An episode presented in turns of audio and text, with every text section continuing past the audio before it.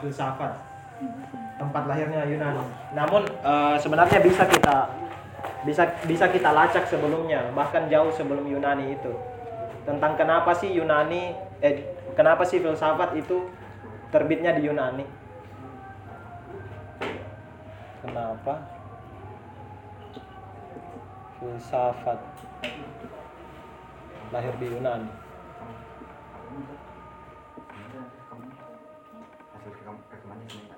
Mungkin dari pertanyaan-pertanyaan saja dulu. Nah, kenapa sih filsafat itu lahir di Yunani? Kenapa bukan di tempat lain? Nah, ada yang mau kenapa? Tadi bilang mungkin mungkin karena banyak filsuf Karena- yang lahir dari situ. Ya, karena Yang banyak saya tahu filsuf. ada beberapa lebih dari 10 kayaknya. Banyak filsuf. Bisa sedikit? Di sini. Ya, ada lagi?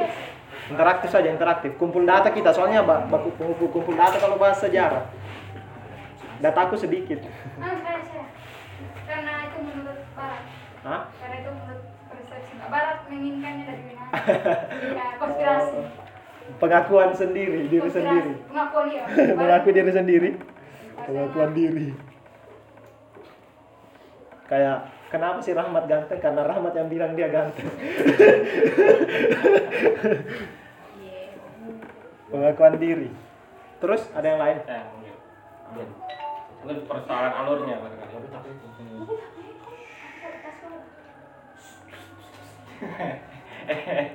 Nah, pendapat nih ya. Menambahkan sama seperti Soraya, saya pikir. Eh, sebenarnya kan soal filsafat kan bukan persoalan kalau dilihat dari segi bahasanya tentu sebelum-sebelum Thales pasti ada gitu. Ya. Cuma kita kan prosesnya kan dari Thales kemudian ditulis sama Aristoteles, Plato dari Aristoteles itu ada lagu besar kan dia yang kemudian mempengaruhi perkembangan keilmuan masuk ke Islam Islam tetap mengambil tulisan Aristoteles dan kawan-kawan tetap dengan nama yang sama kemudian diambil ke barat dan sampai ke sekarang gitu. kemungkinan kalau dari Islam sudah dirubah titik startnya di Islam mungkin yang kita kenal filsafat dari Islam dari zaman pertengahan gitu. Yang lain? Mungkin pernah baca kenapa? Karena dari sana ada Socrates. Sudah itu. Ah ya. Kan berbicara soal kelahiran sesuatu atau eh, munculnya sesuatu yaitu filsafat itu sendiri pasti eh, banyak hal, banyak faktor yang mempengaruhi. Mungkin kalau yang saya gambarkan saja, ya betul juga ini banyak filsuf. Bisa juga dibilang karena banyak filsuf. Tapi kenapa dulu? Kenapa banyak filsuf? Nah, bisa jadi saling mempengaruhi. Banyaknya filsuf karena di sana lahir filsafat. Atau sebaliknya, karena banyak filsuf lahir filsafat. Bisa kan bolak-balik. Pengakuan diri ya betul juga, mungkin pengakuan diri. Pengakuan dirinya tapi lewat tulisannya mereka. Mereka yang melahirkan. Tapi jauh sebelum itu filsafat ini kan lahir tentu saja dari pemikirannya manusia. Manusia bukan cuma orang-orang Yunani kok yang berpikir dari ribuan tahun yang lalu sebelum Masehi malah. Itu bukan cuma orang Yunani yang berpikir banyak. Tentu saja tidak lepas dari yang namanya peradaban. Dan peradaban Yunani bukan juga peradaban tertua. Bukan juga peradaban yang paling termasyur. Bukan juga peradaban yang paling besar pada masa itu. Banyak ke perad- peradaban lain yang justru bukan di barat juga. Nah, di sinilah eh, apanya penyebab-penyebabnya. Yang pertama dari geografisnya.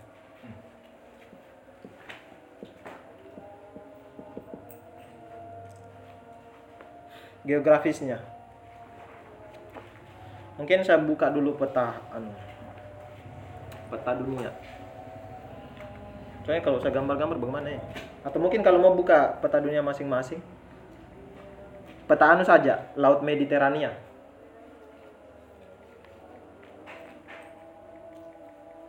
Karena filsafat itu berputar di sekitaran situ, sekitaran situ, Laut Mediterania itu.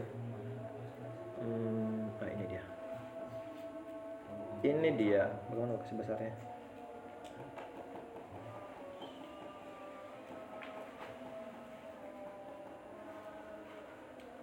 wait wait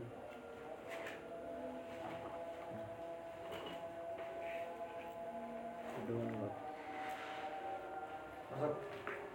Masuk. Masuk. masuk gak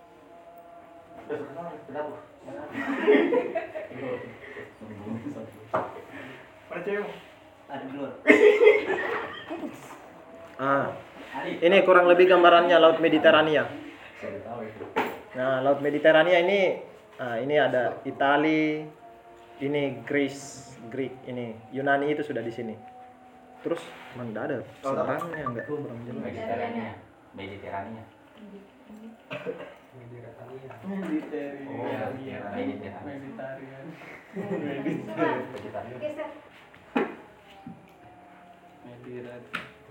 Nah, dulu ya, dulu peta dunia. Apakah ini? Beras, beras. Ah. Buruk semua fotonya. Di Wikipedia anu tuh. 8 bit Iya, 8 bit.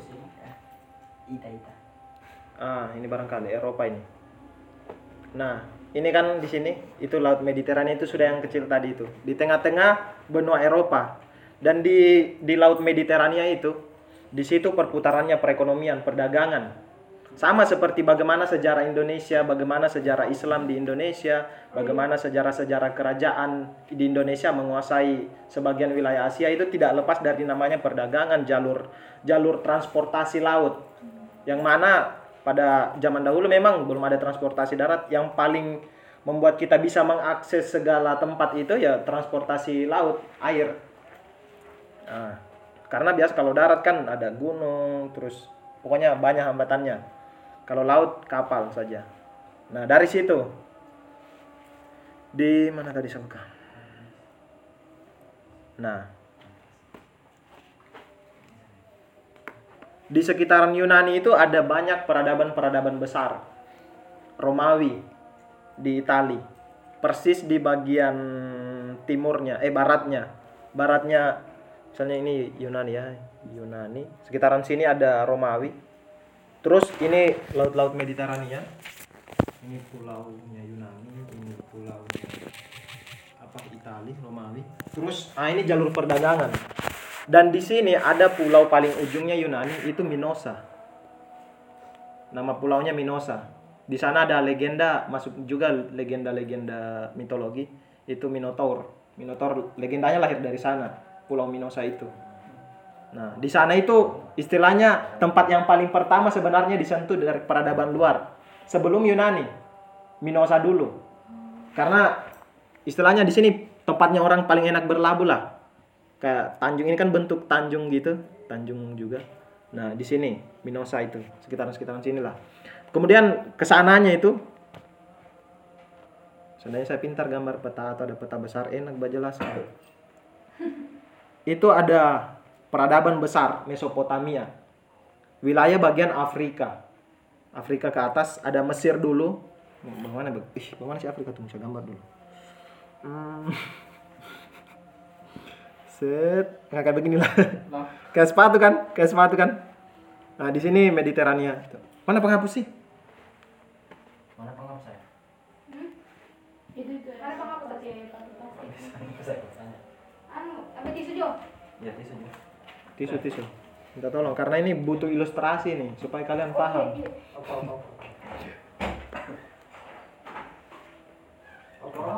oh kenapa cuma di haga kesian Mana itu berarti seperti itu. Sama dulu. Nah, ini aja, supaya halus. Coba rusak. Coba dikasih ke sana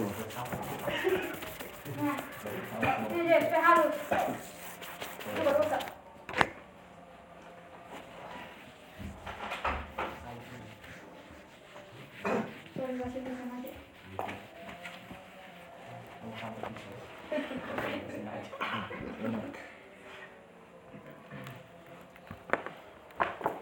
Ah, astaga. Ini kalian. Saya gambar dulu sedikit ya.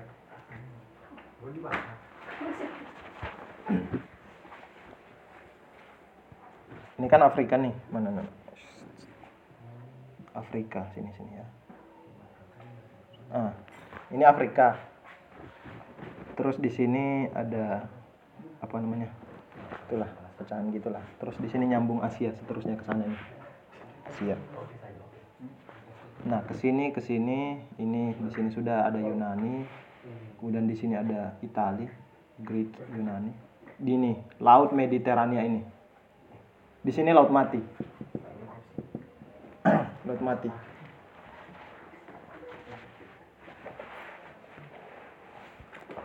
Terus di sini ada Spanyol. Kalau kalian kenal kan Spanyol sering sering kali juga masuk dalam peradaban apa sejarah-sejarah besar dunia itu. Spanyol biasa masuk juga namanya penyebaran tempat Islam itu. Nah, Spanyol di sini. Oh baku sambung dia dengan ini. Ini Spanyol ini Spanyol.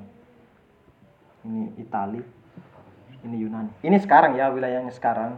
Kalau wilayah sekarang Yunani mencakupi bukan cuma Yunani itu. Karena dulu sistemnya saya jelaskan dulu sistemnya eh, pemerintahan dulu. Itu terbagi dari atas polis-polis namanya polis-polis atau kota kota-kota. Jadi tiap kota dulunya itu itu ada pemerintahnya sendiri. Mungkin kalau sekarang it- mungkin terinspirasi dari sana sih. Kayak gubernurnya begitu wali kota. Nah itu. Jadi setiap tiap-tiap polis itu dipimpin. Rata-rata begitu. Di Yunani pun begitu. Nah, terus di sini kan tadi saya jelaskan ada di sini ada apa? Peradaban besar. Mesir di sini ya. Mesir di sini Mesopotamia. Nah, lihat baku dekat orang ini. Sini laut Mediterania. Pokoknya banyak lagi pulau-pulau sini dan negara-negara lainnya. Negara penting lain apa lagi situ ya? Hmm, oh Turki ya, Turki kan di sini. Turki kalau dalam sejarah kan manusia pertama yang buat peradaban kan di Turki. Kalau di bukunya Sapiens itu melacak manusia yang berperadaban itu di Turki. Terus secara dulu wilayah penting. Hmm. Ah ini kereta. Pulau Kreta ini kan tadi ada Minosa di sini, masuk juga ada sekitaran sini pulau-pulau sini itu kereta, Pulau Kereta. Kalau nggak salah tempat lahirnya siapa di sini filosof juga saya lupa. Hmm, kemudian Oke, di sini kan Egypt. Egypt atau Mesir atau Alexandria. Kemudian di sini kan Arab, eh Arab enggak usah. maksudnya tidak maksudnya dia tidak punya peran terlalu penting di sini. di, di sini uh, Mesopotamia. Kita barangkali berangkat dari Mesopotamia. Mesopotamia dulu ya. Eh, kalau dari peradaban tertua itu kan eh, para sejarawan sepakatnya kebanyakan Mesopotamia, peradaban tertua, Eh, sistem pemerintahan tertua, negara tertua, kerajaan imperium atau itulah. Itu me- me- apa Mesopotamia. Mesopotamia di wilayah sini dia. Nah, wilayah apa nih Afrika? Ini kan Afrika, ini masuk Afrika juga sih. Nah, Mesopotamia kenapa unggul juga? Maksudnya kenapa peradaban lahir di sana? Itu dia diapit dua sungai besar. Sungai apa namanya? Sungai apa ini dalam Al-Qur'an? No, no, no, no, no, no. Ah, Sungai Efrat dengan Sungai Tigris. Ya kalau nggak salah. Ah, it- pokoknya taulah, adalah. Itu dua sungai itu. Makanya dia di- ditopang dengan kondisi alam. Makanya dia lahir peradaban besar dan peradaban di sana ini itu sama kayak saya jelaskan tadi, banyak polis-polis, banyak kota-kota yang lahir. Banyak polis-polis. Ada Babilonia dan ada Sumeria, makanya ada itu bangsa Sumeria, terus em, pokoknya berapa? Tujuh. Kalau nggak salah tujuh sih. Dan dan yang paling terakhir berdiri. Soalnya kan antara polis-polis itu sering berperang. Meskipun sama dalam satu kesatuan Mesopotamia itu. Tapi mereka ganti-gantian menguasai wilayah Mesopotamia. Kadang eh, bangsa Sumeria kadang bangsa ini. Dan yang paling termasyur itu Oh dan juga tiap-tiap kota itu polis punya keunggulannya masing-masing. Ada yang mengungguli bidang perekonomian, perdagangan, ada yang mengungguli bidang pertahanan, kekuatan negara, berperang. Ada juga eh, kecerdasannya, keilmuannya. Jadi bukan bukan orang Yunani yang pertama yang berpikir. Bukan bukan orang Yunani yang pertama tahu bagaimana cara menggunakan otak, tapi justru dari negara tetangganya lah, kerajaan tetangganya berkembang di sana. Ilmu yang paling tua eh, mungkin tentang apa ya? Eh, ini pembacaan alam apa namanya sih? Astronomi. Ah, astronomi. Astronomi itu ilmu tua loh. Meskipun eh, apa ya istilahnya? Meskipun kita nggak bisa kayak sekarang bisa ada teleskop melihat keluar, tapi orang sudah berbicara dan orang sudah mencari tahu tentang bagaimana semesta bekerja. Ilmu astronomi itu. Makanya tidak heran tokoh yang seperti Thales dan seterusnya yang pernah berkunjung ke wilayah Afrika, terutama Mesir juga, terutama Mesir juga karena ini baku dekatan hampir cenderung sama cara pemerintahannya. Itu makanya mereka tahu bagaimana memprediksi gerhana kayak Thales, tahu bagaimana memprediksi gempa bumi kayak anak si Mandros, tahu bagaimana menggambar peta bumi dan seterusnya. Pokoknya begitulah. Dan tidak jauh berbeda juga dengan kearifan kecerdasannya leluhur, leluhurnya kita yang kalau mau melaut, kalau mau eh, apa namanya? panen, musim panen itu melihat bintang-bintang, susunan bintang. Bahkan ada kalendernya masing-masing kayak kalender Jawa eh, dan suku-suku lain juga punya cara tersendiri mem- apa memberikan penanggalan tanggal begitu. Dengan melihat suasana eh, pokoknya gambar memberi melihat bagaimana al, apa semesta memberikan kita tanda. Entah itu melihat bintang entah itu melihat mungkin suhu apa temperatur udara mungkin musim panas. Oh ini cocoknya tanam ini dingin cocoknya tanam ini karena tanaman ini tidak tumbuh. Ya pokoknya itulah. Memang sejak awal manusia itu eh, apa namanya epistemologi pertamanya itu memang empiris. Tidak lepas dari situ. Bagaimana pengamatan? Sejauh mana sih manusia mengamat? Karena apa yang dia amati akhirnya dia olah menjadi sebuah pemikiran. Dia pikirkan setelah saya mengamati sesuatu saya memikirkan setelah saya mengamati benda ini situasi ini saya pasti memikirkan tentang kenapa ini bisa terjadi terus eh, apa yang pokoknya gitulah nah, jadi kurang- lebih kayak begitu orang sudah ada ilmu-ilmu di situ di peradaban Mesopotamia Begitupun juga dengan di Mesir.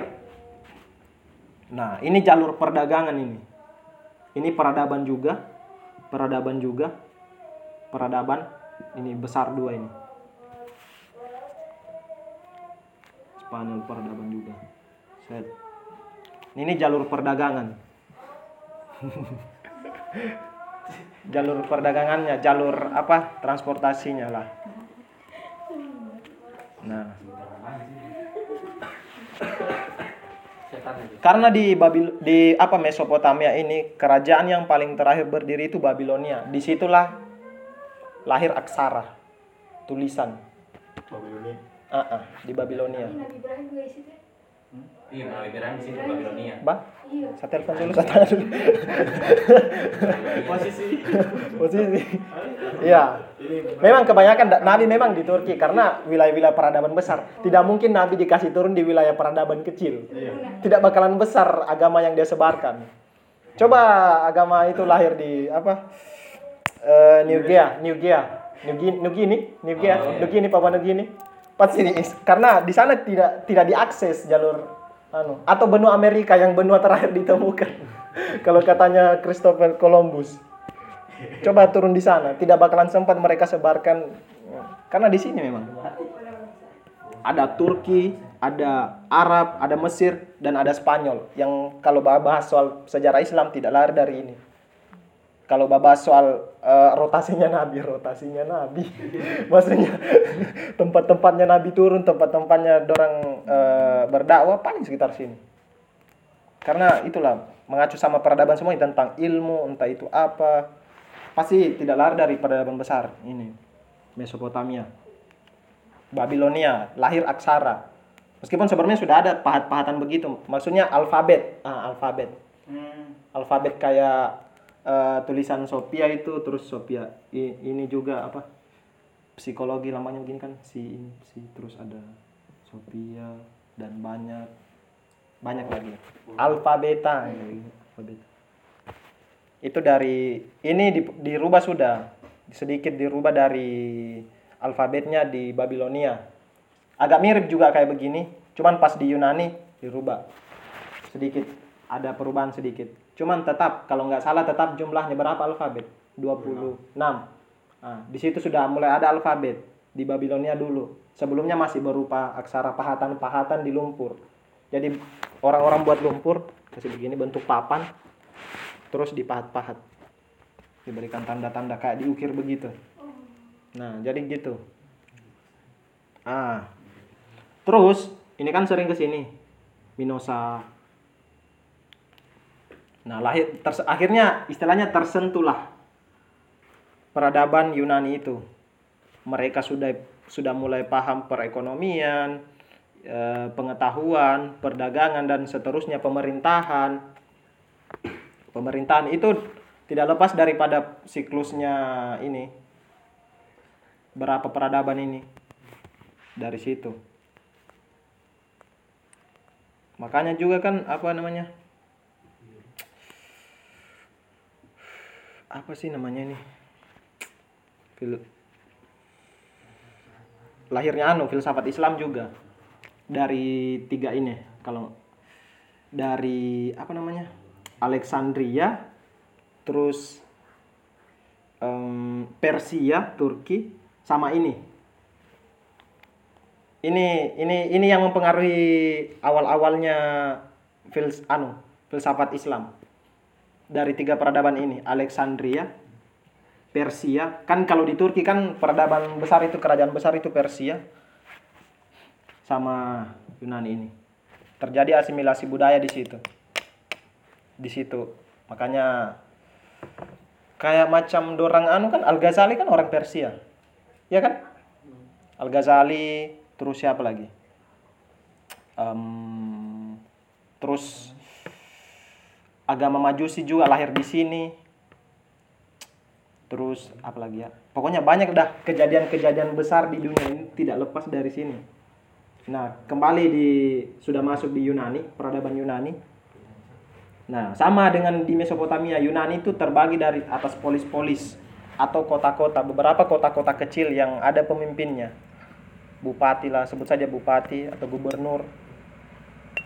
Nah kalau di Mino, Minosa Pulau Minosa itu em, apa namanya?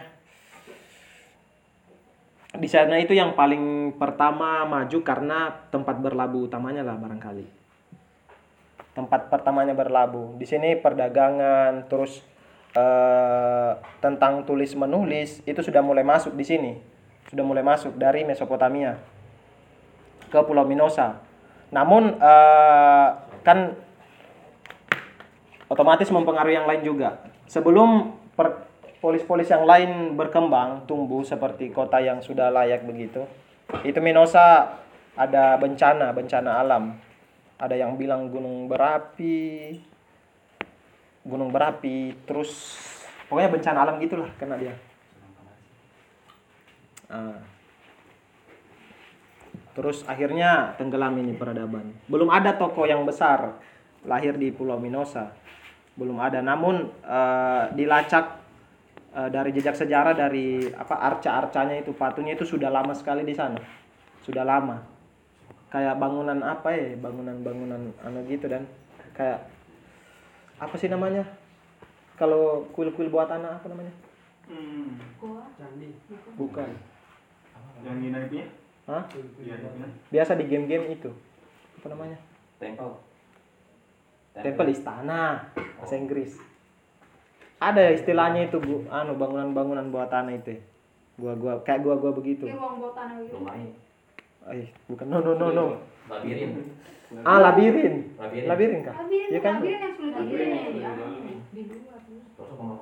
Ada di game anu. Ya, pokoknya itulah. Kayak begitu. Dilacak di sana lama. Cuman karena ada bekas-bekas kayak tatimbun begitu, kayak abu ba- tatimbun ditimbun sama abu vulkanik begitu. Eh, makanya diduga meskipun tidak val- tidak terlalu valid sih diduga itu akibat letusan gunung berapi. Akibat letusan gunung berapi, makanya di sana punah peradabannya. Ini sudah tua sekali juga di sana itu, di Yunani itu. Di ini. Nah, akhirnya masuk ke Yunani wilayah sini.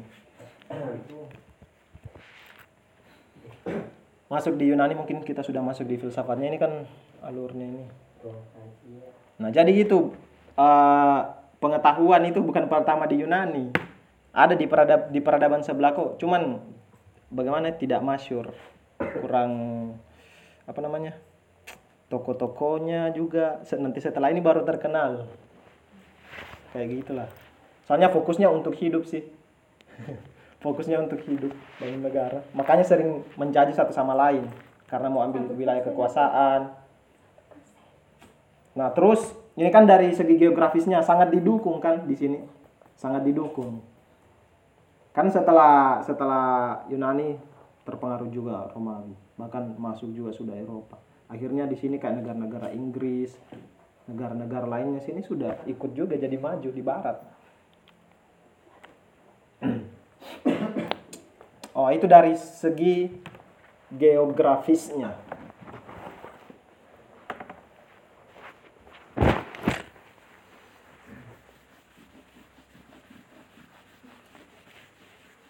Kenapa filsafat lahir di Yunani? Ya karena itu. Dekat sama peradaban besar. Seandainya Indonesia mungkin dekat juga. Entahlah. Sa- Satu tadi kan geografis.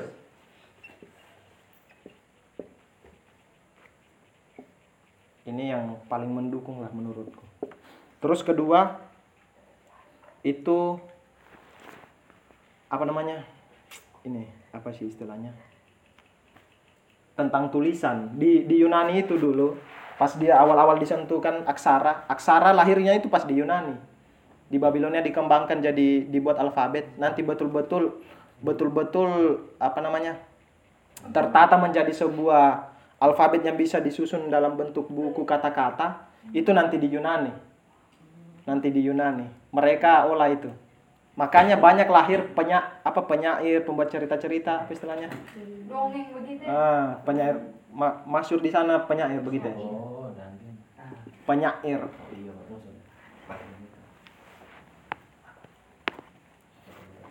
Hampir sama dengan apa budaya-budaya Arab, tanah tanah Arab begitu, Timur Tengah yang banyak penyairnya. Di sana itu banyak penyair-penyair juga. Penyair-penyair dia nulis tapi menyairkan dia menyairkan itu yang paling terkenal itu karena mitologinya. Dari tulisan-tulisan itu ta- tadi kan bagaimana manusia mengenal aksara, bagaimana manusia mengenal mengenal bagaimana menulis media tulis. Akhirnya eh, lambat laun kan manusia jadi pandai nulis, terus menyairkan sebuah cerita, menceritakan, menceritakan lewat tulisan. Nah, apa yang diceritakan mitologi tentang dewa-dewa. Nah, di sini di sini barangkali bisa dikatakan eh, cara berpikir kalau orang bilang kan kenapa di Yunani itu bagaimana sih al- alur filsafatnya dari mitos ke logos. Nah, di sini lahir mitos atau mitologi. Mitologi tentang dewa-dewa eh, yang di mana mitologi-mitologi itu tentang dewa itu dianggap mampu menjawab semua fenomena-fenomena di sekitar kita. Dan itu yang menjadi pengendali juga sih. Jadi mitologi itu bukan cuma sekadar kisah saja. Jadi pengendali dia. Semacam pengendali apa namanya? budayanya masyarakat. Karena dari mitologi-mitologi itu saja saja kan dikisahkan ada raja-raja ini ini raja ini mo- ah raja. Apa? Iya raja raja dewa Zeus dan seterusnya. Pokoknya dari atas. Chaos ada Chaos dulu. Pokoknya kalau di mitologi itu dia gambarkan itu kayak bet, kayak semacam anu. Kalau saya sih bacanya kayak teori Big Bang. Pertama-tama ada Chaos kekacauan. Di alam semesta ini ada kekacauan. Jadi is- isinya mitologi itu sebenarnya nggak lari juga dari ilmu astronomi. Tidak lari dari ilmu astronomi. Makanya itu kenapa tentang mitologi ini tadi diadopsi ke dalam rasi bintang. Setiap eh, susunan bintang-bintang tertentu dikasihkan nama dikasihkan simbol bahkan dikasihkan sifat. Kayak misalnya Pisces. Pisces itu melambangkan ikan ya. Ikan apa? Ya ikan kan ikan terus sifat-sifatnya orang Pisces itu kayak gini gini. Itu kan eh, direduksi dari itu astronomi. Melihat simbol simbol-simbol bintang itu. Dia hubungkan tek, tek, tek. ada ada bentuk-bentuk tertentunya lah. Nah dari situ. Dari dewa-dewa itu. Dari Chaos turun ada lahir bumi terus lahir juga ada Venus Uranus pokoknya banyak sekali. Yang di mana isinya sebenarnya isinya itu mitologi ilmu. Isinya mitologi itu ilmu. Cuman di apa diinterpretasikan ke dalam bentuk cerita begitu dan. Ya meskipun bagaimana juga aneh memang a- tetap saja sih aneh. Soalnya bagaimana dewa-dewa itu menikah kayak ini. Zeus. bu, siapa? Dewa dewa bumi kan El, e, siapa? Ewe Ege ya? Siapa sih namanya? Dinikahi. Eh di dikawini. Terus lahir banyak anaknya. Lahirlah ada Zeus ada Poseidon ada Oh, ada itu apa sudah? Ah. Ada Hades. Nah kayak begitu Kronos, Kronos. ah Kronos. Kronos di atas dia. Kronos itu masih se- setataran Titan. Karena ada Titan. Kronos- baca sih Kronos itu anu, bapaknya Zeus. ah, ah, Titan dia melahirkan anu. Kronos. kan dari Chaos dulu di bawahnya ada dewa-dewa Titan kan dewa-dewa tak bagi juga dewa-dewa Titan baru dewa-dewa Olympus dewa-dewa Olympus itu sudah pemimpinnya Zeus Ah. jadi sudah ada sistem hierarki juga kan jadi kak dewa itu bi- bikin pemerintahan juga kawin juga bikin keluarga juga terus ada ngambek-ngambekan sesama keluarga juga Cemburu. cemburu juga ah right jadi sangat eh, budaya masyarakat kota sekali. Dan yang yang Mbak Tenar bikin tenar itu salah satu penyair terkenal itu Homerus. Homerus sama yang satunya terkenal itu siapa ya? Homerus yang paling terkenal dengan bukunya itu apa namanya saya lupa juga. Nama buku ada judul bukunya itu. Di situ sudah dikisah-kisahkan. Kayak tentang bagaimana petir terjadi tentang hujan pokoknya tentang dewi kesuburan dewi cinta dan seperti itu saja tidak apa tidak itu pun tidak terlepas daripada kepercayaan-kepercayaan dari sebelah juga dari peradaban Mesopotamia tadi. Hampir sama juga kayak begitu kepercayaannya. Mereka menggambarkan dewa itu atau Tuhan eh, dalam wujud yang mereka ketahui. Kalau orang Yunani kan kasihkan wujud mereka manusia. Kalau Mesopotamia lebih parah atau Mesir kasih hewan Iya, hewan. dikasih dikasih bentuk hewan Hewan. Ah, separuh manusia separuh hewan badan manusia kepala burung badan manusia kepala anjing tapi sifatnya kebanyakan sama Masanya, mi- misalnya sifat memelihara sifat cinta sifat perusak itu kalau kalian eh, lacak di semua peradaban kepercayaan mereka ada semua mereka tanamkan itu sifat-sifat itu ke dalam dewa-dewanya mereka Hmm. sebut saja agama yang masih besar sekarang kayak Hindu. Itu dewi dewa Siwa agak apa dewa penghancur. Kalau dewa Wisnu dewa pemelihara. Dewa pencipta. Sombong dia. kalau dewa dewa Brahma dewa apa pokoknya ah, kayak dikasihkan sifat-sifat begitu sama juga kayak begini. Dewa perang kayak dewa anu dewa siapa nih Hermes. Iya, Hermes. hermeneutika yang lahirnya hermeneutika dewa pengetahuan. Penafsir. Dewa penafsir. nah, dewa penafsir. Hermes. Yang orang cocok-cocokan Idris Nabi Idris Sejarah apa itu? Hah? Sejarah apa? Yunani. Yunani? Yunani. kalau orang kalau dilarikan ke anu orang Islam biasa bilang Iya. Hermes itu Nabi Idris Ada juga yang bilang Jibril. karena dalam kisah Nabi yang paling pintar pertama juga Idris Dewa penafsir. lahirnya pakaian itu di Idris semua Iya. atau Hermes makanya lahir hermeneutika ilmu tentang tanda penafsir nafsirkan Nah, dari situ. Terus banyak kok. Pokoknya masih tidak lepas juga dari mitologi-mitologi. Dari penyair tadi Homerus. Nah akhirnya di wilayah Yunani itu eh, karena besar sekali apa orang semua baca buku atau dengar dengar bukunya atau dengar ceritanya si Homerus terus disampaikan turun temurun akhirnya jadi sebuah ini kepercayaan. Entah itu kita saya nggak tahu ya si Homerus ini awal awalnya dia buat ini buku apakah mau- memang dijadikan sebuah kepercayaan atau se- sekadar sekadar hikayat begitu saja? Ya kita nggak tahu. Kita nggak tahu. Makanya saya sebenarnya sepakat kalau eh, apa ya mitologi atau mitologi-mitologi waktu itu, mitos-mitos itu sebenarnya masih masuk dalam era filsafat juga sih di Yunani. Sama kayak sofis, kaum sofis. Masuk juga sih menurutku. Entah dengan gayanya dia, maksudnya di sini kan belum terperbaharui. Dari mitologi ini tadi makanya banyak lahir filsuf-filsuf. Nah, ini kan dipengaruhi pertama dari geografisnya, terus di di apa namanya? Di Yunani itu itu sangat orang banyak suka menyair penyair gitu dan kebanyakan memang laki-laki sih oh ya ini juga salah satu uh, uh, gambaran kebudayaan di Yunani. Jadi di Yunani itu apa istilahnya ya? Hanya laki-laki yang warga negara dihitung sebagai warga negara. Itu naasnya di sana di Yunani. Perempuan itu nggak dihitung sebagai warga negara kalau di Yunani. Jadi yang masuk sebagai warga negara itu laki-laki yang di mana kalau mereka bukan pe- pegang pemerintahan sebagai raja atau pemimpinnya waktu itu atau menjadi menteri atau menjadi eh, tentara bala tentara perang atau jadi penasehat kerajaan apa segala macam jadi perempuan cuman itu saja di dapur urus-urusan itu yang di mana itu supaya tidak dinilai sebagai tidak dianggap sebagai warga negara mereka dan laki-laki dilarang mengerjakan itu di Yunani pada saat itu. Padahal padahal padahal si Hermes bikin dewa wanita loh.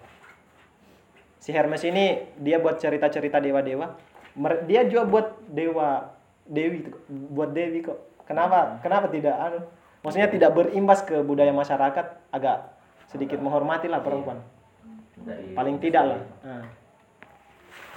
Iya, kenapa ya? I don't know. Banyak. Atau memang kodrat kodratnya?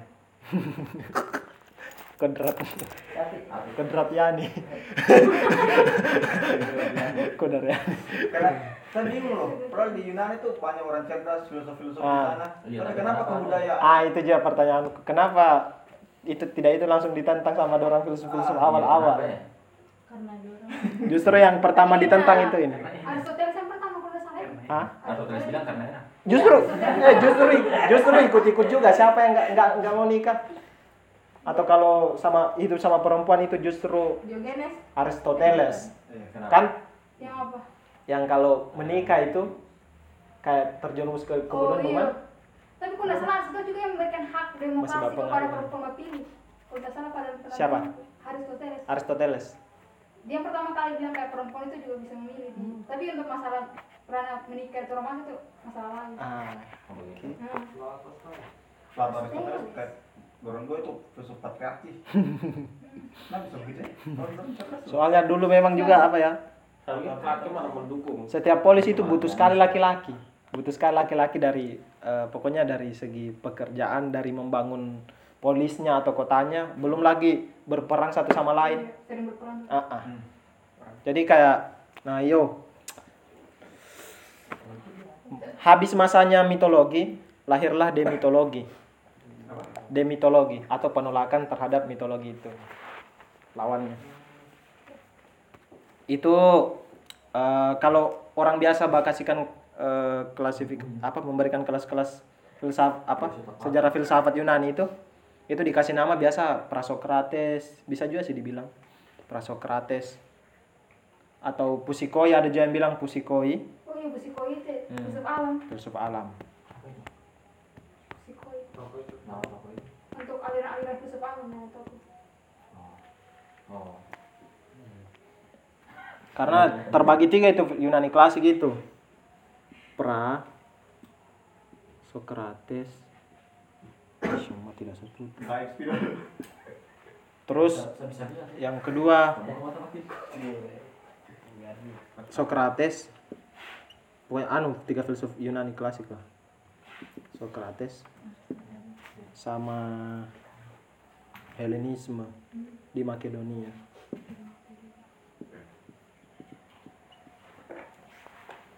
Ini sih garis-garis besarnya di Yunani waktu itu. Di Prasokrates, di sini awal awal perubahannya di situ. Dari mitologi ke demitologi atau ke logos. Ya mungkin gambarannya kayak gini lah ya orang pada masa itu seiring karena perkembangan pengetahuan juga ya apalagi apa namanya orang-orang orang-orang yang lahir di masa Prasokrates itu orang-orang yang penjelajah juga. Sebut saja Thales. Kita bahas sedikit soal Thales. Thales itu dia sering ke wilayah-wilayah lain. Ke Mesir ke ya wilayah Mesir. Mungkin dia pernah juga sih ke menurutku pernah juga ke wilayah-wilayah Afrika yang ke atas itu kan Mesopotamia tadi itu. Cuman karena dia pernah ngukur tingginya Mesir tingginya air Mesir piramida sama gerhana. Nah timbulnya pemikiran-pemikiran eh, orang-orang pusikoi atau orang-orang yang berbicara berbicara soal apa namanya hakikat alam semesta. Ya tentang alam. Soalnya kan mitologi ini kan awalnya dianggap nilai dianggap mampu eh, menjawab semua tentang kejadian-kejadian di sekitarnya kita di alam. Dan men- dan orang-orang pusikoi atau filsuf-filsuf alam yang lahir nantinya itu tidak sepakat dengan itu. Kenapa sih manusia maksudnya percaya dengan eh, hikayat-hikayat atau cerita-cerita legenda begitu yang dibuat-buat begitu. Kenapa sih? Kenapa kita tidak mencari ulang, mencari tahu ulang? Yang sebenarnya caranya mereka mencari ini sama dengan caranya awalnya, cara awal-awal manusia ini berpengetahuan tentang bagaimana menggunakan indranya mereka, empiris main di sini, mengamati. Ciri-cirinya kan eh, apa? Filsafat prasokratik itu. Prasokratik itu pertama apa ya? Harus catat tadi deh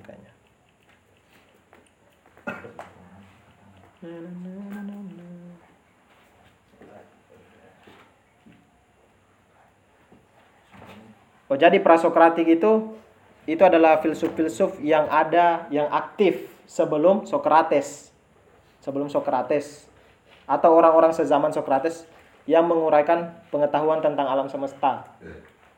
Jadi itu yang yang memisahkan dengan filsuf Yunani, anu kuno, zamannya Sokrates.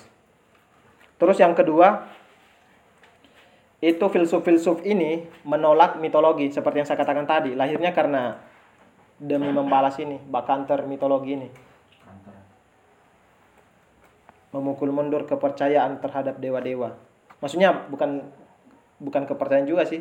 Kayak penjelasan kenapa kita tidak cari penjelasan lain yang lebih lebih ilmiah lebih masuk akal lebih sistematis lah.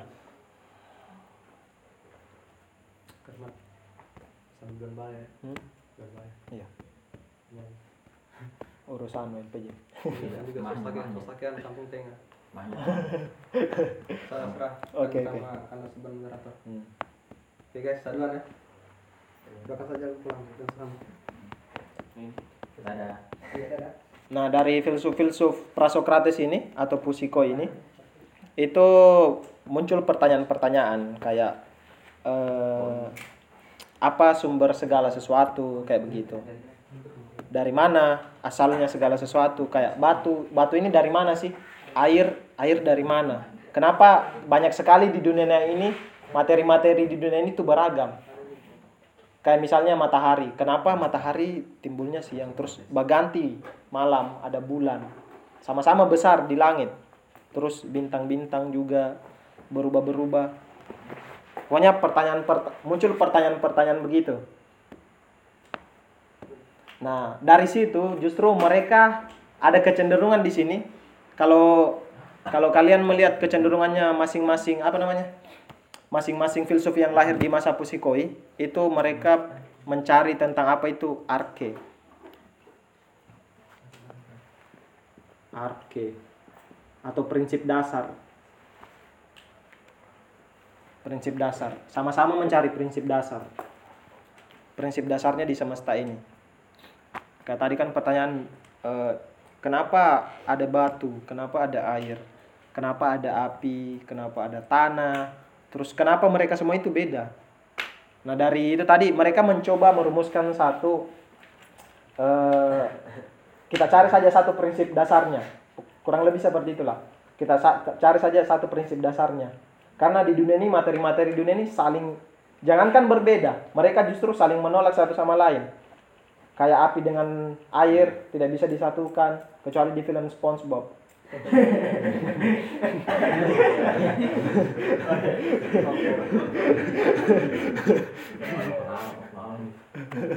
Humor sedikit. Ah, jadi kenapa kita tidak cari saja prinsip dasarnya? Makanya Thales buat oh prinsip dasarnya segala sesuatu itu air. Kenapa air? Saya lihat seperti. Ini, ini, ini, ini. Air yang dipadatkan semakin padat dia akan menjadi apa namanya? jadi jadi anu apa? Jadi batu, jadi batu tanah, pokoknya tanah gitulah. Terus kalau di kalau dicairkan jadi air ya jadi air lah. Atau dipanaskan jadi udara, menguap. Iya, menguap. Pokoknya begitu, ada ada saya penjelasannya dan seterusnya pun begitu. Ada yang dari api pun masalah siapa itu? Besok siapa? Kan Heraklitus. Hmm? Kira-kira. Iya, dari api. Dari api. Dari api. Coba bagaimana penjelasannya lagi itu? Terus yang kedua habis habis Thales kan sama juga muridnya. Oh ya, kalau si dorang siapa ini? Thales ini eh, anak Simandros sama Anak si Simenes itu dari bukan nama kotanya apa lagi? Miletos. Ya, Miletos. Miletos. Makanya mereka disebut sebagai mazhab Milenesian. Mile, Milesian atau Milenesian? Milesian. Milesian. Karena dari kota Miletos. Sama-sama kotanya. Bukannya Thales juga dari Miletos? Iya, Iya. kan tiga. Saya bilang dorang tiga? Mabok keju. Dorang tiga. Nah, kalau Thales katanya dia dari air, terus ada anak Simenes dulu atau anak Simandros? Anak si Mandros. Anak Simandros bilang dari.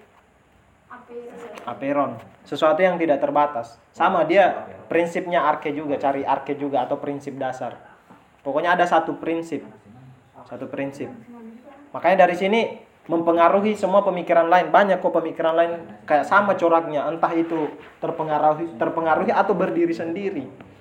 Kayak misalnya filsuf-filsuf mus- muslim yang pertama ada akal satu, akal dua dan seterusnya. Pokoknya kayak begitu.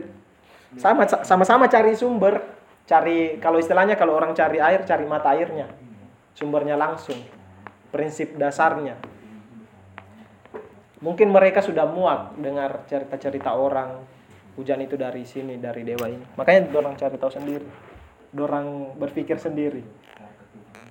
Terus ada siapa anak si anak Simenes yang bilang kalau arkenya segala sesuatu itu atau prinsip dasarnya segala sesuatu itu dari angin ya. Dari angin.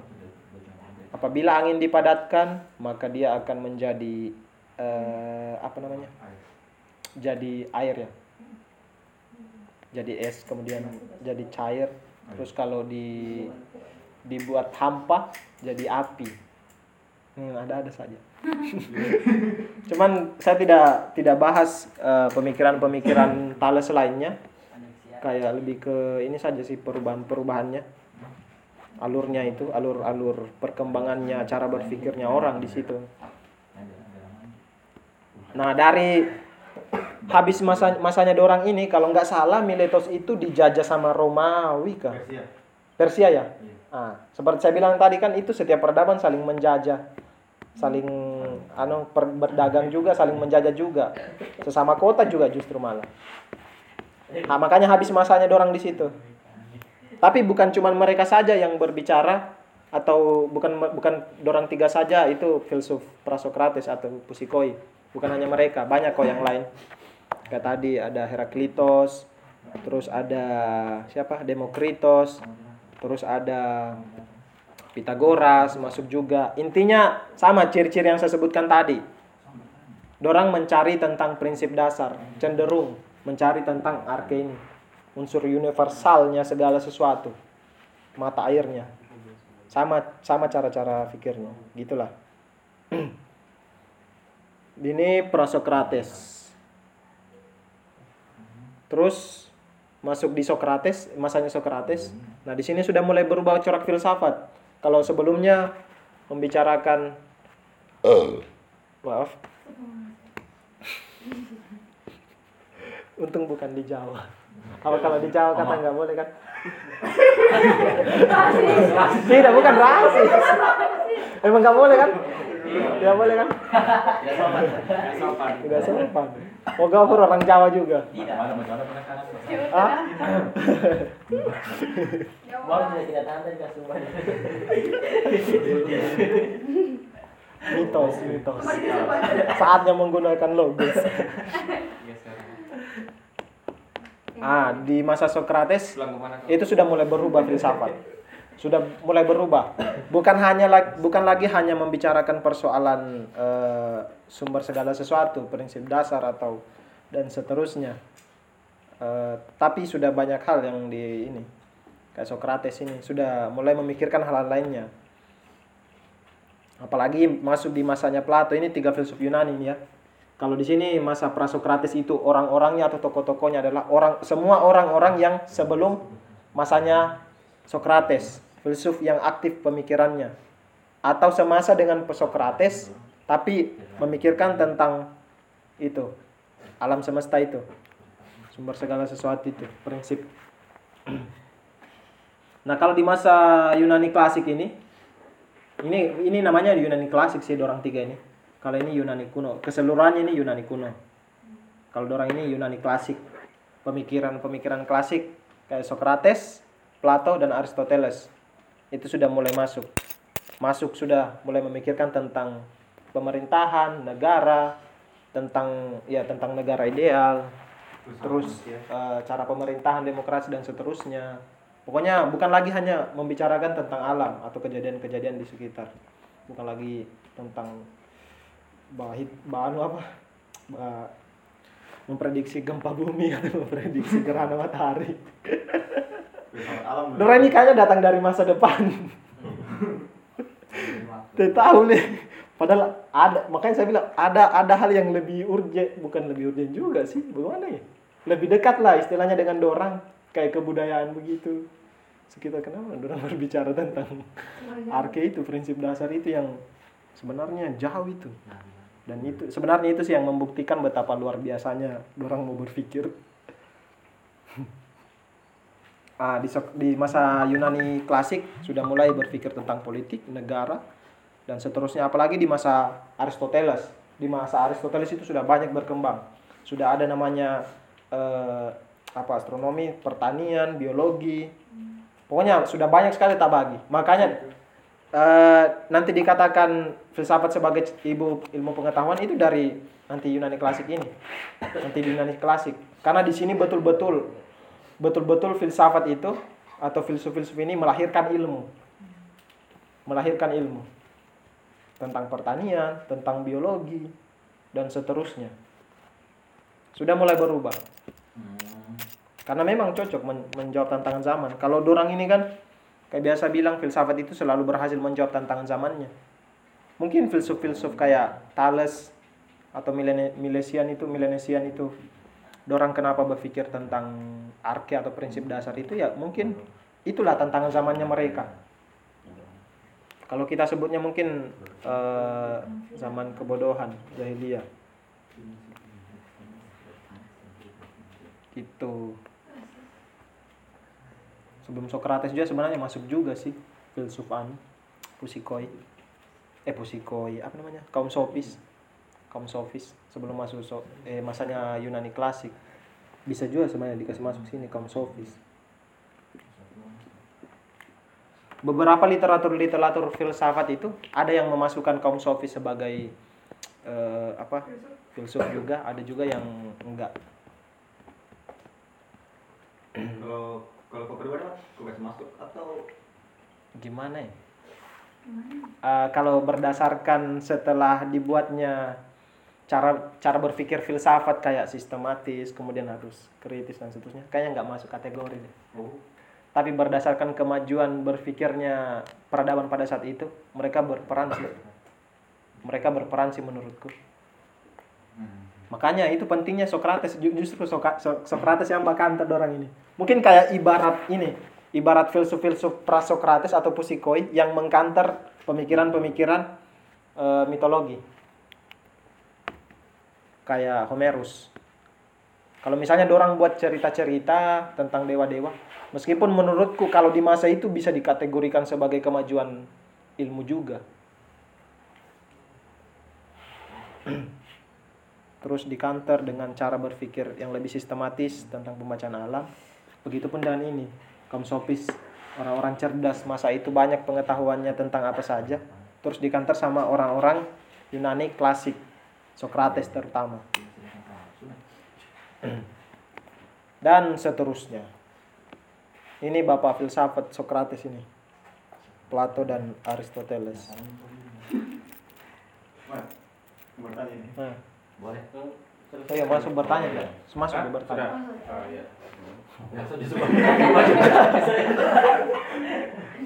Boleh, saya bertanya. Ini kan dari mitos kolobos ini eh, berarti mitos ini bisa jadi bisa jadi cuma anggapan saja bisa jadi ini mitos ini sesuatu yang benar sedangkan logos itu dibuat-buat Why? Kenapa? Kenapa maksudnya? bisa jadi karena kan logos kan lahir dari mitos Dari mitos. otomatis itu sama seperti filsafat dengan ilmu lainnya filsafat anggaplah itu mitos Bukan lahir dari mitos sih, maksudnya Diartika. ah, peralihan dari mitos Iya, ke logos. maksudnya anu dan apa sudah? Kan itu logos itu terlahir gara-gara mitos-mitos toh. Ya, toh? Nah, bisa jadi cuma anggapan sementara. Bisa jadi itu yang paling benar sebenarnya itu mitos daripada logos. Iya. Karena orang mengacu dari situ. Terus mengacu dari situ. Bagaimana itu? Eh, sebenarnya bukan kalau saya ndak kurang sepakat sih menggunakan mengacu dari situ, tapi lebih ke yang mem- memacu, memacu logos logos itu kan ini, memacu logosnya dorang bekerja. Ah. Anggaplah mitos ini selama ini cara cara pemahaman tentang mitos ini, cara eh, menangkap tentang mitos ini itu kita nggak mikir, tidak mikir kenapa sampai begini begini begini. Pokoknya mitos. Langsung dipercaya begitu saja. Cerita yang dibuat-buat terus dipercayai oleh orang banyak dipercaya sebagai satu kebenaran yang mutlak. Dan itu memicu memicu eh, ini kecerdasannya manusia untuk meragukan sebagai salah satu ciri filsafat yang harus itu meragukan. Skeptis. Ah. makanya ini yang menggugurkan barangkali orang-orang mitologi ini. Dorang tidak skeptis. Kalau orang Miletos skeptis dorang. Berarti kebanyakan cocok logi gitu ya? Ah Oke. makanya lah. Saya juga mau bertanya lagi. Mas bisa tak? Itu anu tentang syarat-syarat menjadi filosof. Ah syarat-syarat. Nah, saya kan agak saya agak bingung sih karena ada itu seorang filosof. Teori apa pun itu barangkali teori tentang yang jahat ataupun yang baik. Tetap dikatakan seorang filosof itu. Itu maksudnya syaratnya apa semua itu biar jadi itu apa apakah semua harus apakah harus ada teorinya? Kalau misalnya ada teorinya ilmu juga pasti ada teorinya. Hmm. tapi tidak bisa dikatakan filosof. Maksudnya mungkin kalau berbicara soal syarat-syarat filosof itu kalau sekarang barangkali mengacu sama ini. Apa namanya? Cara berpikir filosof filosofis. Apa semua? Yang konseptual. Ya, konseptual, koheren. ah ada berapa? Empat. Berapa? Di bukunya Pak kan ada empat kalau nggak salah itu. Mungkin kalau itu tapi tapi ilmuwan begitu juga kok. Ah itu dia masalahnya. Makanya saya sebenarnya kurang sepakat juga sih kalau misalnya filsuf itu harus dikategorikan dia harus melalui ini. Tapi memang filsuf bagaimana rancu juga. Aneh juga. Tapi Saya, hmm, tapi kayak sempat kita diskusikan sebelumnya sebenarnya ditekannya bukan pada cara berpikirnya dalam menjawab dalam menemukan tapi dalam mempertanyakan beberapa hal gitu hal-hal yang yang abstrak nilainya seorang ilmuwan jadi semuanya apa itu alam konsep-konsep dan sebagainya mereka itu nggak mau bicara kerajaan begitu. Kayak pembicara kerajaan begitu handal ya.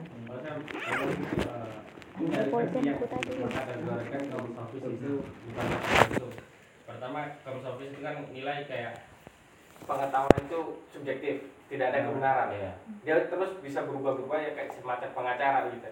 Di era Yunani kan modelnya kan demokrasi tuh.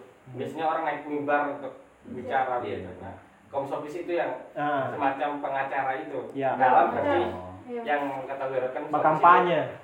Bukan anu. Saya anggap dong ke pengacara sih begitu. Pengacara Nah. yang dibayar mendukung Ah, dakwaan. Iya, iya, Dorang itu iya, pasukan iya, kampanye, iya, dorang iya, itu. iya. Tim kampanye. Oh, itu tim sukses. Berarti kalau filsuf itu lebih ke bebas ya. Filsuf itu tidak terikat pada apa pun, lebih ke terikat pada dirinya sendiri-sendiri. Iya, mungkin. Bisa jadi. Karena saya pikir maksudnya eh kan dari dari situ kan rujukan di situ juga yang menolak itu. Sokrates kan apa istilahnya penolakan terhadap sofis itu dan bentuk etikanya Sokrates kebenaran itu diketahui ya melalui pertanyaan-pertanyaan objektif kan makanya itu Sokrates mempertanyakan sampai Kalau orang keakarakannya sampai orang sudah nggak bisa lagi menjawab gitu. Tapi itu juga lawan lawan dari bentuk lawan dari apa? Sofis gitu. Terus kemudian dari Sokrates kan ada gurunya dan kawan-kawannya. Dan kemudian barangkali berpihak memilih itu Sokrates mengkategorikan atau sebagainya. Karena penamaan apa filosof itu kan saya pikir juga pengaruh Aristoteles begitu. Aristoteles sama siapa? Plato gitu. Hmm. saya pikir kalau Aristoteles tulis neneknya Thales sebagai filosof mungkin itu juga yang kita sebut seorang filosof pertama gitu. Masalahnya Socrates eh Socrates apa? Aristoteles nulisnya di Thales itu. Gitu. Start dari Thales Jelas kuis. Ini yang paling terakhir masih berbahas tentang Socrates tuh. Iya. Saya tuh waktu baca di materi yang bagian saya anu pasca Socrates itu ternyata dalam buku kan Plato yang paling sering membahas Socrates tuh pemikirannya dan orang-orang yang membaca itu bukan orang tidak bilang ini Socrates, orang bilang karakter Socrates. Karakter utamanya Plato Socrates, orang tidak pernah bilang sebagai Socrates sebagai karakter. Jadi kita tidak bisa memisahkan antara Plato dan Socrates bagi saya.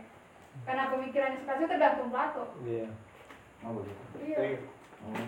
Karena tidak pakai Socrates, karakter utamanya Plato. Maksudnya nggak bisa nggak bisa juga kita Iya. pastikan. Sama seperti kita nggak bisa memastikan bahwa Socrates betul-betul ada. Begitupun kita nggak bisa memastikan Socrates betul-betul nggak ada. kalau adanya itu katanya selain Plato ada menulis murid-muridnya kayak Xenophanes itu juga Ah. menulis Socrates kehadirannya ada Dan juga tokoh lain mengakui Zen. Zano, Zeno. tapi pemikirannya itu loh yang dipertanyakan soalnya yang menulis kebanyakan itu kan Ya, Plato. Kayak Zeno. Bahkan Zeno kan bilang satu-satunya orang yang pernah capai eh, mungkin filsuf lah, the sage, sang bijak itu cuma Socrates katanya Zeno. Itu mungkin entah dia karena terlalu fans barangkali dan Socrates sampai dia bilang begitu. Selama yang dia tahu cuma satu orang yang pernah capai itu. Karena isinya bijaksana itu bukan cuma bijak pandai saja, Iya. tapi berani, terus eh, kokoh pendiriannya dan katanya si Socrates punya itu. Lihat saja, dia diberikan pilihan.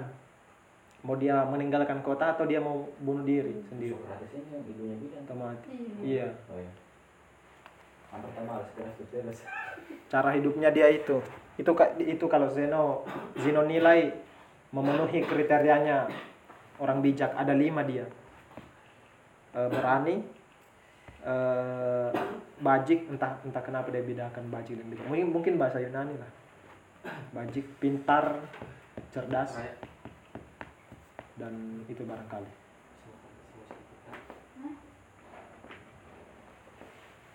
Kalau apa? Aduh, orang teman kecil langsung dia belak belak. iya tidak masalah tidak masalah iya Bismillah belum pulang nggak? iya tidak masalah Oke, yang lain gak ada mau bertanya? oh iya saya mau Oh, sudah lama. itu tadi Nah, ini eh, kita juga bahas karena ini kan persoalan sejarah nih, soal alur-alur gitu. Barangkali dari teman-teman persoalan alur sejarah yang mungkin Iya. masih menimbulkan pertanyaan misalnya kayak tadi, apa yang membuat geografis itu menjadi salah satu alasan lahirnya Yunani begitu. Apa yang membuat itu? Apa yang membuat kondisi geografis se- sehingga mempengaruhi pemikiran-pemikiran maju. Kenapa dan sebagainya gitu. Apa yang membuat pergeseran yang awalnya bahas ke yu- bahas ke alam tiba-tiba bahas manusia nah kayak gitu alur-alur sejarah ini mungkin menimbulkan banyak pertanyaan dari teman-teman yang kita akan diskusikan sama-sama. Dan teman-teman ada yang tanya nggak? fokus ke alurnya Saya boleh lagi.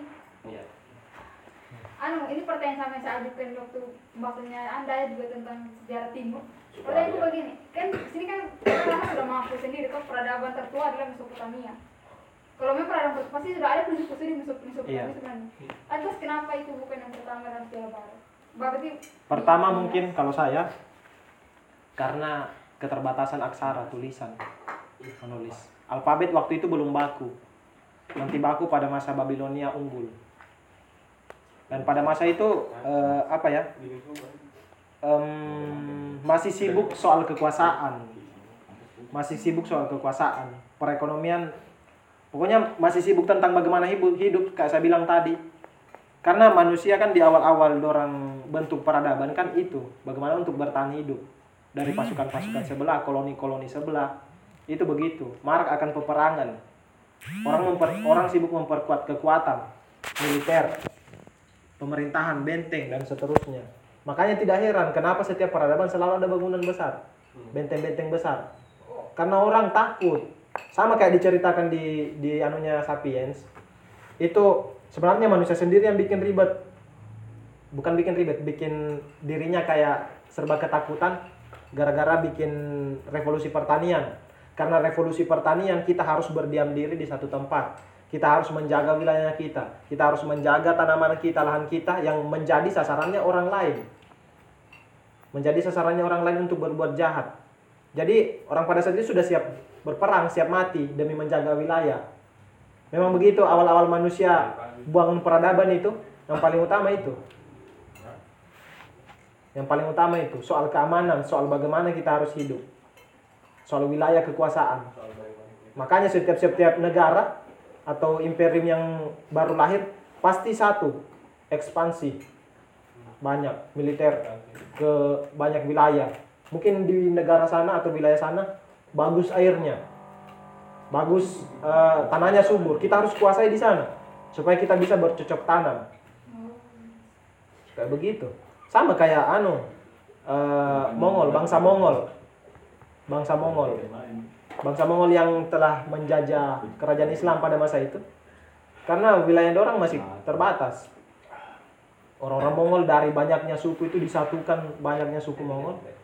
Bangsa Mongol jadi bangsa yang paling per, paling wilayah kekuasaannya paling terbesar dalam sejarah dunia. Orang-orang Mongol. Padahal orang sebelumnya itu terpecah juga dari suku-suku, koloni-koloni juga. Kayak suku-suku Arab begitu. Ada suku-suku kecil sering berperang.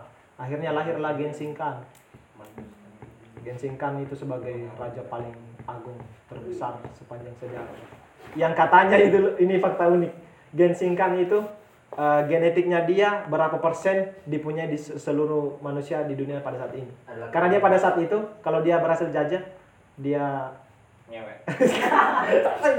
saya hindari dia itu nah itu. Ah bercocok tanam dengan banyak perempuan. Oh, jadi banyak genetiknya di setiap di setiap wilayah di seluruh benua. Ini bisa jadi kalian ini cucu-cucunya geng singkat banyak begitulah.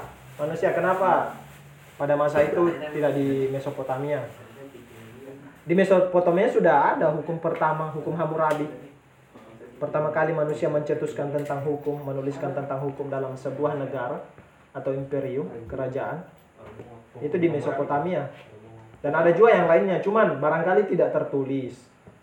Barangkali tidak tertulis tidak ada bukunya atau sangat intinya sangat langka sekali. Aksara saja kan masih ini masih belajar orang belum baku. Karena pernah bilang kata, dia, bilang kalau saintis orang sains itu menganggap Mesopotamia itu sebagai ah ya right why? Ah, ah. Kenapa saintis bisa saintis kan pada akhirnya kan bagian dari filsafat apa filsafat tuh. Ah, Tapi kenapa saintis bisa berkiblat ah, bahwa di orang-orang pertama? kayak perhitungan Iya, bintang tapi kenapa filsafat kenapa filsafat tidak begitu?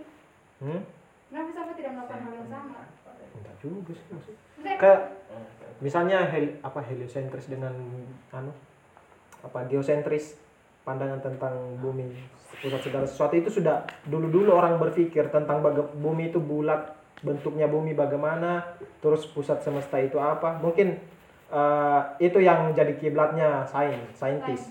Saintis itu kiblatnya ke situ. Eh, bukannya semua bagian-bagian dari filsuf juga bukan dari bagian filsafat semua alam dan sebagainya pertanyakan cara perhi- cara perhitungannya sains tentang benda-benda luar itu itu betul pakai cara-caranya orang Mesopotamia itu tidak maksudku itulah gara-gara mereka lihat ih sama caranya kita berarti itu yang pertama tuh. Apakah filsafat tidak menganggap perhitungan itu bagian dari filsafat? Oh orang sudah mulai berpikir orang menghitung kok? Maksudnya begitu enggak? Sama-sama. bisa juga sih. Nah. Saya mau eh, dari awal. sebelumnya itu saya pikir peran besar yang mengembangkan filsafat itu sehingga dikenal sampai sekarang dan kita tahu sumber dari mana gitu. Kalau ada itu satu kayak komik begitu juga karena kita tidak tahu filsafat out dari mana gitu. Oke kita mulai saja dari Thales kayak semacam gitu. Nah karena apa ya di- bahkan ada itu kalau nggak salah tujuh orang bijak barusan dicari gitu. hmm. Di situ termasuk Thales, Solon dan macam-macam gitu. oh Solon Nah, ya kan? Ada tujuh orang juga. Seven apa? Seven eight. Seven sage. Seven, Seven sage. Ah, kan? Sage Nah, itu. seven sage. Mode Sage.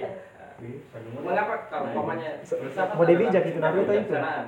Poinnya adalah kebijaksanaan toh. Nah, Mode bijak kalau itu. kita asumsikan kebijaksanaan itu beda-beda gitu.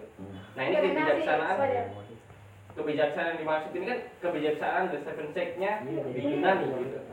Thales masuk di situ. Kenapa bukan yang lain dan sebagainya gitu. Saya pikir yang menamai itu ya Aristoteles dan Plato itu. Karena dari Aristoteles yang seperti bilang Rama itu mulai filsafat menghasilkan ilmu-ilmu gitu. Hmm. Ada metafisik dan sebagainya kayak. Terus dari dari Aristoteles kan cepat Yunani mengalaminya kan. Terus bergeser ke peradaban abad pertengahan dan kawan-kawan gitu. Kemudian diadopsi lagi dengan bahasa yang sama kayak Nah kan hanya diterjemahkan ya oleh Islam. Begitu. bahkan saya baca literatur lain pun dari penamaan saja itu sebelum filosofi ada, ada memang judul nama-namanya